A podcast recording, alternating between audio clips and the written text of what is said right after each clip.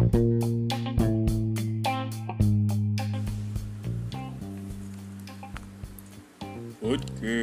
Sinus. Podcastnya pendosa.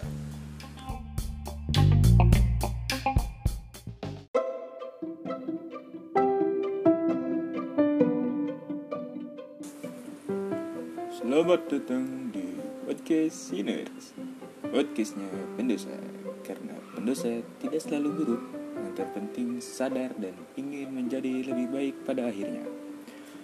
Oke. Di podcast kali ini Kita akan membahas Justifikasi. Karena justifikasi tidak selalu salah. Tapi mungkin pembahasannya akan Nyerempet-nyerempet ke hal-hal lain juga. Jadi ya bakal banyak pembahasan juga Gak cuman tentang justifikasi aja ya. Oke, gak usah lama Langsung aja kita ke pengertian justifikasi dulu ya. Karena kenapa sih bahas justifikasi? Karena justifikasi ini atau mungkin orang-orang ngertinya judging. Itu kayak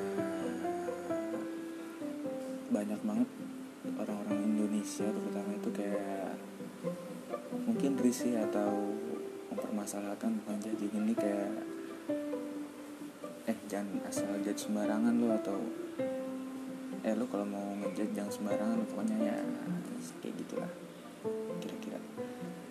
Jadi mungkin kita bahas dulu apa itu justifikasi atau judging yang selama ini jadi keresahan masyarakat mungkin atau enggak juga.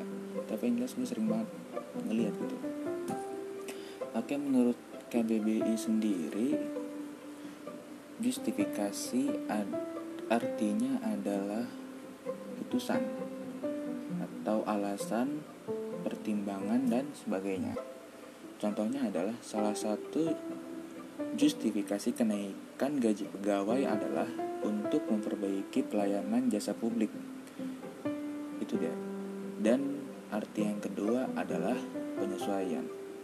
Nah menurut gue sendiri justifikasi ini lebih ke menilai atau menghakimi seseorang atau sesuatu berdasarkan apa yang terlihat atau yang diketahui tentangnya jadi tentang seseorang atau sesuatu itu. Contoh yang paling sering terjadi yang sering dipakai orang mungkin ya adalah don't judge book by its cover. Jadi kan kalau dari sini kita lihat dari frasa ini yaitu mungkin seseorang itu menghakimi buku itu dari covernya karena covernya itu yang dia ketahui cuman covernya dong yang dia ketahui. Makanya seseorang itu bisa menilai menghakimi buku itu dari covernya. Ya kira-kira kayak gitu tapi menurut gue sendiri antara justifikasi sama judge ini kayak sesuatu hal yang berbeda ya dua hal yang berbeda. Karena justifikasi itu kayak hmm, cuman pertimbangan ya bukan penghakiman mungkin. Tapi mungkin banyak juga yang orang-orang yang pakai kata justifikasi apa-apa mungkin. Uh, kan pemahaman orang beda-beda ya. Jadi menurut gue justifikasi itu nggak jadi masalah ya kata justifikasi sendiri. Yang bermasalah itu biasanya kata judge atau menghakimi biasanya. Biasanya itu menghakimi. Jadi kayak si A menghakimi si B itu pinter atau si B menghakimi si A itu goblok ya kayak gitu contohnya. E, melihat realita yang terjadi di kalangan masyarakat itu banyak orang tuh menghakimi sesuatu atau seseorang dengan sembarangan. Dan juga banyak orang yang mengingatkan orang lain untuk tidak menghakimi seseorang dengan sembarangan menjadikan pembahasan bergeser ke arah judging. Karena justifikasi menurut KBBI tidak ada masalah. Oke. okay.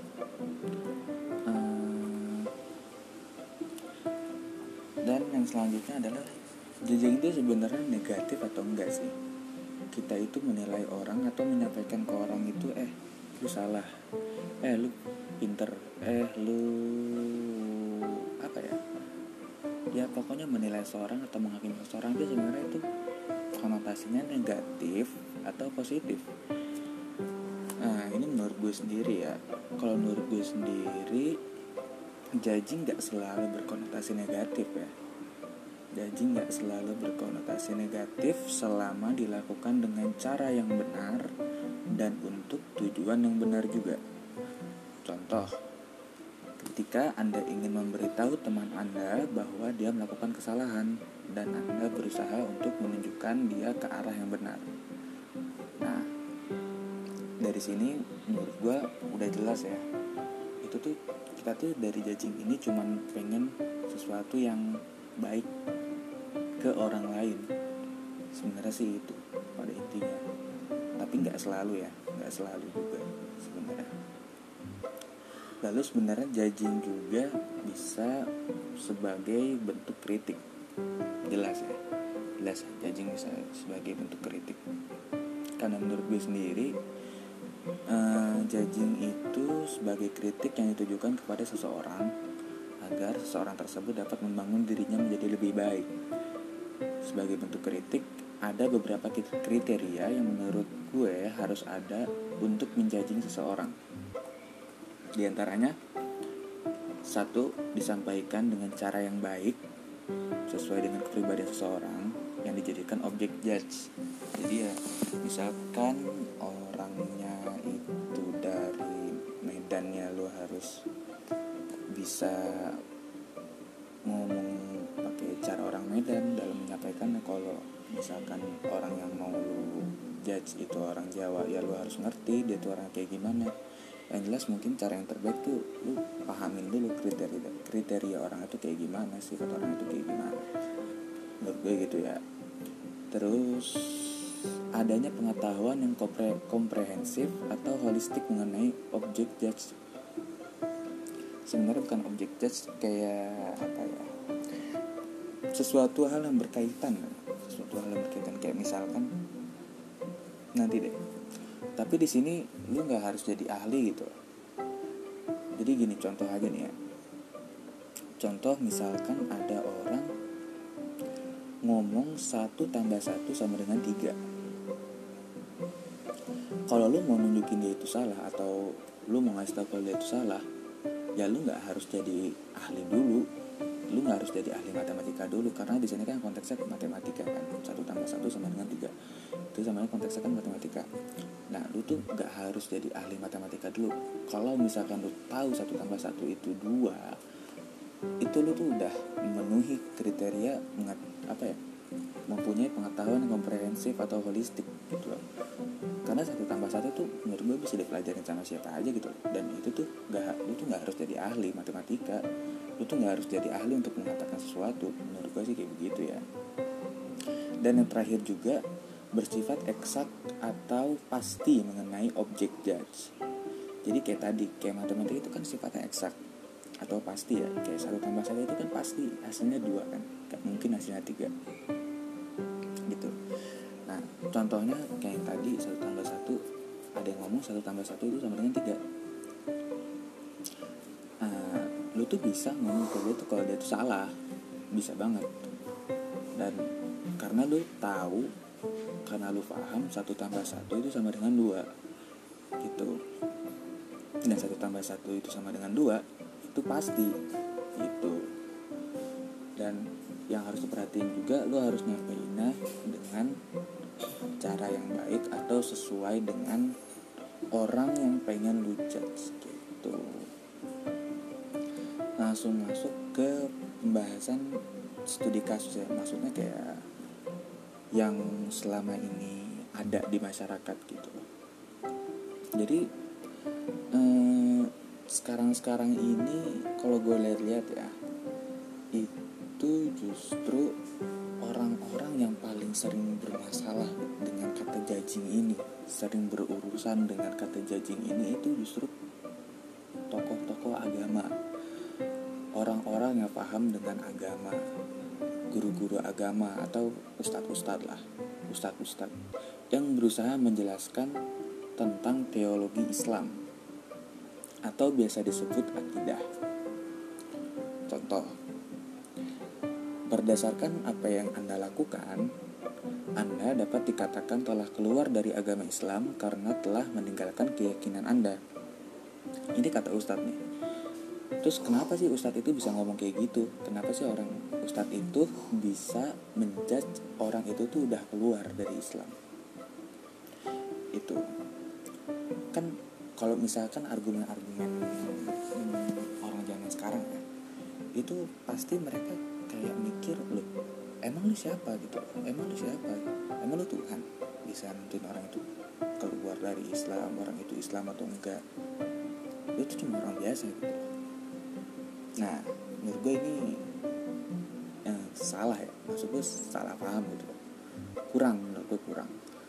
Jadi menurut gue para ustadz merasa memiliki tanggung jawab untuk menjelaskan kepada masyarakat agar masyarakat tidak terjerumus ke dalam kesesatan yang dapat merusak keyakinan beragama mereka.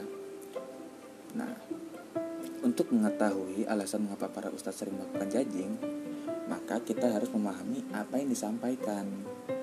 Karena menurut gue judging di sini antara orang itu sesat atau enggak, orang itu kafir mungkin biasanya seringnya kafir ya kafir atau enggak itu tuh lebih sering tentang pembahasan teologi ya teologi Islam itu atau yang biasa disebut akidah gitu. Makanya kita harus ngerti dulu sebenarnya apa sih yang disampaikan sama orang yang ngejudge ini gitu loh. Jadi tuh seenggaknya kalau misalkan ada orang ngejudge kita juga nggak langsung asal ngejudge dia juga gitu loh. Itu nah sebenarnya di sini gue mau sedikit ada pergeseran pembahasan ya. Karena kita pengen paham juga kenapa sih uh, usaha-usaha itu dia tuh sering ngejudge orang itu sesat atau kafir gitu ya. Nah di sini gue udah lihat pembahasannya itu di web maudo3.com atau lu juga bisa cari di Google Mahiyal Akidah tapi pakai pakai bahasa Arab ya. Jadi lu tuh di situ kayak lu tuh ngasih tahu apa sih akidah itu gitu. Tapi itu bahasa Arab ya gitu. Biar seenggaknya lu tuh dapat uh, sumber yang kredibel atau sumber pastinya karena langsung dari bahasa Arab gitu. Di sini dijelasin yang qasimun nizamul islami ila kismaini ra'isaini huma. Jadi uh, peraturan atau peraturan ya. Peraturan Islam itu atau syariat Islam hmm, peraturan saya kayak peraturan. Peraturan Islam itu terbagi menjadi dua yang paling utama yaitu al akidatu was syariah jadi keyakinan akidah dan juga syariah. Syariah itu lebih ke kayak perbuatan gitu loh. Nah was syariah itu tani at takalif al-amaliyah allati ja'a al-Islam fil ibadati wal muamalat. Jadi uh, syariah ini lebih ke beban beban-beban uh, yang berupa yang dikerjakan beban-beban yang dikerjakan yang datang dengannya Islam yang berupa ibadah dan juga muamalah atau bergaul. Jadi uh, syariah itu lebih ke apa yang kita lakuin dari uh, ibadah dan juga dari muamalah. Kayak gitu. Itu syariah.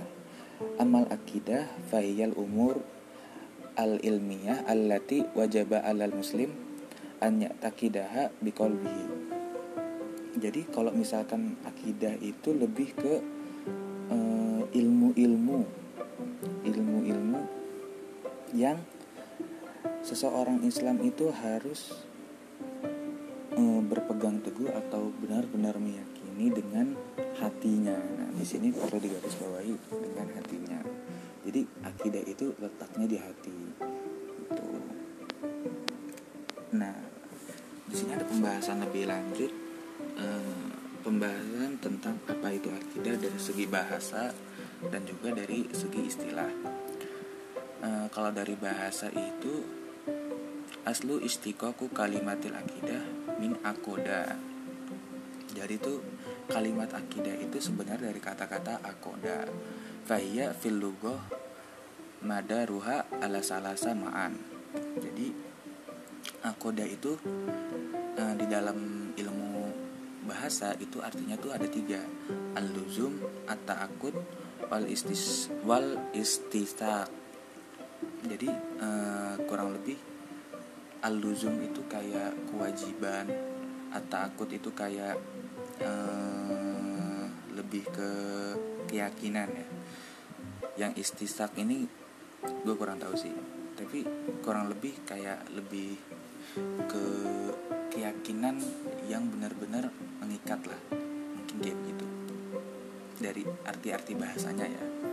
Seperti uh, firman Allah Taala la yu'akhidukumullahu billagwi fi aimanikum walaki yu'akhidukum bima aqadtumul aiman itu ada juga jadi di ayat itu dijelasin juga disebutin uh, akidah tapi dengan maksud uh, secara bahasa gitu fitakidil iman yakunu bi azmil qalbi alaihi.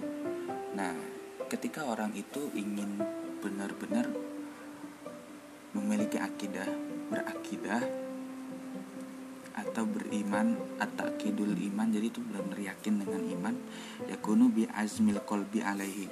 Jadi lu tuh harus benar-benar berazam bertekad di dalam hati untuk sesuatu yang lu pengen yakinin itu gitu wal ukudu ya ausakul uhud.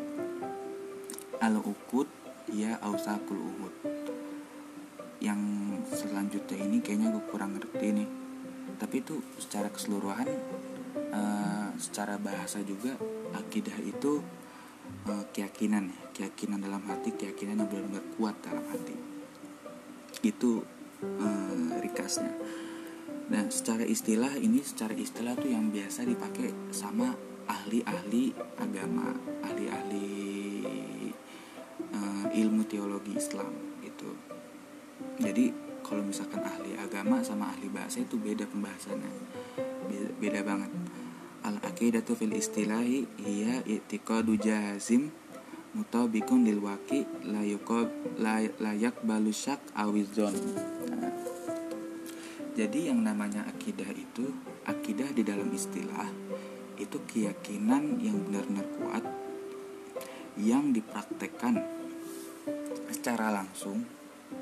Nah tidak menerima uh, tidak menerima keraguan syak awizon atau lu tuh ngerasa kayak zone itu prasangka ah jangan-jangan gini ah jangan-jangan gitu nggak bisa atau syak atau lu tuh ragu gitu. Fal ilmu ladhi lam nasil bisai ila daraja dar ila darajatil yakin al jazim layu sama akidah. Jadi kalau misalkan ada sesuatu ilmu yang uh, lu tuh nggak yakin sebenarnya gitu lu tuh nggak yakin itu tuh bener atau enggak gitu. Nah lu tuh nggak bisa disebut kalau lu tuh berakidah dengan itu gitu. Intinya gitu. Jadi tuh akidah secara istilah maupun secara bahasa itu menjelaskan tentang keyakinan yang benar-benar kuat di dalam hati. Jadi begitu. Makanya ustadz-ustadz menurut gue nggak aneh ya kalau misalkan ustadz-ustadz itu menjelaskan pentingnya akidah pentingnya menjaga akidah pentingnya um, menjaga keyakinan mereka dalam beragama. Menurut gue itu penting banget gitu dan dari penjelasan tersebut kita dapat memahami bahwa akidah terletak di hati dan menjadi fondasi dari agama seseorang gitu. seperti halnya tiang-tiang pada rumah yang menjadi pondasi awal dibangunnya rumah gitu. Jadi kalau misalkan lu mau bangun rumah kan nggak mungkin tanpa tanpa pondasi tanpa tiang-tiang gitu itu pasti paling awal lu bangun rumah pasti ada tiangnya pasti banget. Dan itu sama kayak akidah gitu. Dan sekarang ada pertanyaan uh, apakah ketika kita melihat seseorang beragama melakukan kesalahan atau dosa berarti dia tidak berakidah? Jadi misal uh, kita ngelihat pendosa pendosa pendosa itu ya dia melakukan dosa-dosanya lah. Terus, apakah orang itu berakidah atau enggak? Uh, jawaban menurut gue ya itu bisa jadi iya bisa jadi enggak gitu loh.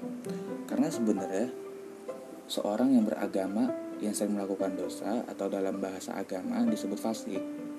Seperti layaknya rumah yang rusak. Itu. Jadi tuh uh, orang pendosa itu sebenarnya tuh dia kayak rumahnya rusak. Jadi ketika rumah rusak itu nggak kelihatan gitu entah itu rumah punya pondasi atau enggak itu tuh nggak kelihatan gitu. Rumah itu punya tiang atau enggak itu nggak kelihatan gitu. Nah rumah yang rusak bisa menjadi memiliki pondasi atau tidak. Tapi kelebihan dari pondasi adalah ketika ingin memperbaiki rumah yang rusak kita dapat memperbaiki rumah tersebut dengan kokoh. Jadi menurut gue kalau misalkan ada pendosa lah pendosa tapi dia punya akidah dia punya keyakinan terhadap agamanya keyakinan yang kuat terhadap agamanya. Dan ketika dia tobat dari dosa-dosanya menurut gue itu bakal lebih apa ya bakal lebih lama ya bakal bakal lebih awet dia melakukan uh, tobatnya itu daripada orang-orang yang nggak punya akidah nggak punya fondasi sama aja kayak lu bangun rumah mau sebagus apa pun rumah lo itu nanti pasti bakal hancur. Dan ketika lo mau bangun lagi itu tuh nggak bakal lama gitu menurut gue gitu tuh. Nah, dan dan setelah paham apa itu akidah jadi kita ngerti nih kenapa sih ustadz itu suka ngejudge gitu loh suka ngejudge orang. Dia sesat dia nggak sesat dia kafir dia nggak kafir. Karena kita udah ngerti sekarang apa sih sebenarnya uh, yang diomongin sama ustadz itu apa sih alasan ustadz itu ngejudge orang gitu loh. Karena menurut gue ini penting banget ya. Menurut gue uh, lu tuh nggak bisa nggak bisa apa ya kayak asal-asalan ngejudge tapi lu tuh gak ngerti gitu loh. Tapi lu tuh gak ngerti terhadap apa yang diomongin sebenarnya gitu loh. Itu malah jadi kelihatan bego gitu loh menurut gue ya. Jadi lu asal-asal asal-asalan ikut ikutan gitu kayak misalkan bahas-bahas politik gitu lah misalkan. Tapi lu tuh gak ngerti politik gitu loh. Dan lu asal-asal ngomong aja menurut gue lu harus paham dulu politik itu kayak gimana. At least walaupun lu nggak ngerti masa lu tuh bukan ahli politik tapi seenggaknya paham gitu loh. Paham itu kunci menurut gua. Dan yang namanya ustadz itu uh, dia tuh menjudge itu dia punya apa ya istilahnya dia punya urgensi. Dia punya urgensi untuk mengingatkan masyarakat agar akidah masyarakat itu nggak rusak rusak menurut gue kayak begitu. Karena kan niatnya kan baik walaupun mungkin masyarakat tuh nggak terima gitu loh. Pasti ada aja yang nggak terima itu. Kalau misalkan mereka tuh dibilang sesat lah dibilang kafir lah atau ada juga bid'ah mungkin kayak begitu. Dan ya yang paling sering berurusan dengan penghakiman penghakiman kayak gitu menurut gue ya ini ya menurut gue ustadz gitu loh padahal tuh ustadz belajar gitu maksud gue. Kenapa gitu loh kenapa dipermasalahkan gitu loh sama masyarakat? Gue bingung banget coba uh, menurut gue uh, judging itu judging untuk sesuatu kebaikan itu bagus bagus banget. Tapi sesuatu yang bagus itu bukan tanpa masalah itu justru karena kita ingin melakukan sesuatu yang bagus justru di situ letak masalahnya karena kayak selalu ada aja yang ngalangin gitu selalu nanti tuh selalu ada aja masalah gitu kalau misalkan lu mau melakukan kebaikan gitu. Nah contohnya itu jadi beberapa waktu lalu ada ustadz yang viral. Karena potongan videonya diupload di salah satu sosial media milik seorang komika gitu. Nah yang perlu diketahui juga jadi Ustadz ini tuh sebenarnya lagi ngomongin akidah di situ gitu loh. Tapi cara beliau menyampaikan apa yang uh, dia sampaikan menurut gue itu kurang cocok sama masyarakat. Menurut gue gitu. Kenapa kurang cocoknya? Karena menurut gue terlalu cocokologi ya. Terlalu cocokologi menurut gue apa yang apa yang beliau sampaikan gitu uh, dia menyebutkan bahwa lagu anak-anak Indonesia memiliki pesan tersirat dalam rangka kristenisasi anak-anak Indonesia. Itu. Menurut gue ini terlalu cocokologi sih menurut gue karena gue juga udah lihat videonya. Saya sangat paham substansi dari apa yang beliau sampaikan. Jadi gue paham banget sebenarnya apa apa sih yang ini yang apa sih yang berusaha inti de, dari apa yang disampaikan sama ustadz ini tuh gue paham gitu loh. Karena gue tahu pembahasannya gitu loh. Pembahasan tentang apa tuh gue paham gitu. Dan beliau itu menurut gue mengajak masyarakat agar lebih hati-hati menurut gue lebih hati-hati aja dari paham-paham yang menyesatkan dari agama lain termasuk di dalam lagu anak-anak. Dan ini itu sesuai sama uh, apa yang difirmankan oleh Allah Subhanahu wa taala di dalam Al-Qur'an sebenarnya. Ayatnya itu walang tardo angkal yahudu walan nasara hatta tatabi amillatahum. Jadi itu uh, artinya dan tidaklah orang Yahudi dan orang Nasrani itu ridho kepada kamu sampai kamu itu mengikuti agama mereka. Jadi itu eh, yang namanya orang Nasrani sama orang Yahudi mungkin kelihatannya doang baik, tapi itu mereka dalam hatinya tuh gak ridho sampai orang-orang Islam itu eh, ikut masuk ke agama Kristen atau ke agama Yahudi. Dan itu diperingatinya sama Allah ya sama Allah sama Tuhan. Dan menurut gue ketika seorang ustadz itu menjalankan apa yang udah difirmankan oleh Allah ya sama aja dia uh, apa sesuatu itu tuh eksak menurut gue gitu loh. Sesuatu itu eksak jatuhnya. Jadi kayak jajingnya dia itu dalam memperingatkan dia itu tuh sesuatu yang pasti menurut gue itu tapi yang sangat disayangkan juga itu tuh jadi videonya itu um, cuma cuplikan doang. Durasinya tuh sekitar 25 sampai 50 menit. Itu tuh banyak orang-orang yang nelan mentah-mentah gitu loh dalam mentah-mentah apa yang disampaikan sama ustadznya itu walau itu cuma cuplikan 25 sampai 50 menit gitu loh. Gak, gak secara keseluruhan gitu gak secara kompre, komprehensif gak secara holistik. Dia nonton paham dan itu tuh langsung telan mentah-mentah dan langsung pikir kalau uh, ustadz ini tuh mungkin fitnah gitu mungkin fitnah kayak lagu-lagu ini sengaja diciptain buat dalam rangka kristenisasi gitu.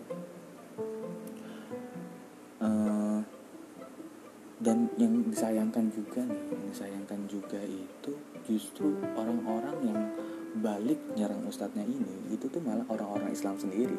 Nah ini yang gue gak ngerti sih yang gue gak ngerti itu malah orang Islam sendiri yang nyerang ustadznya itu tanpa mau ngerti apa sih sebenarnya yang disampaikan sama ustadz itu secara keseluruhan secara keseluruhan. Kalau misalkan secara eh cuman yang dalam cuplikan itu selama 25 sampai 50 menit menurut gue ya isinya tuh cuma ngejelek-jelekin lagu-lagu anak kecil Indonesia gitu loh.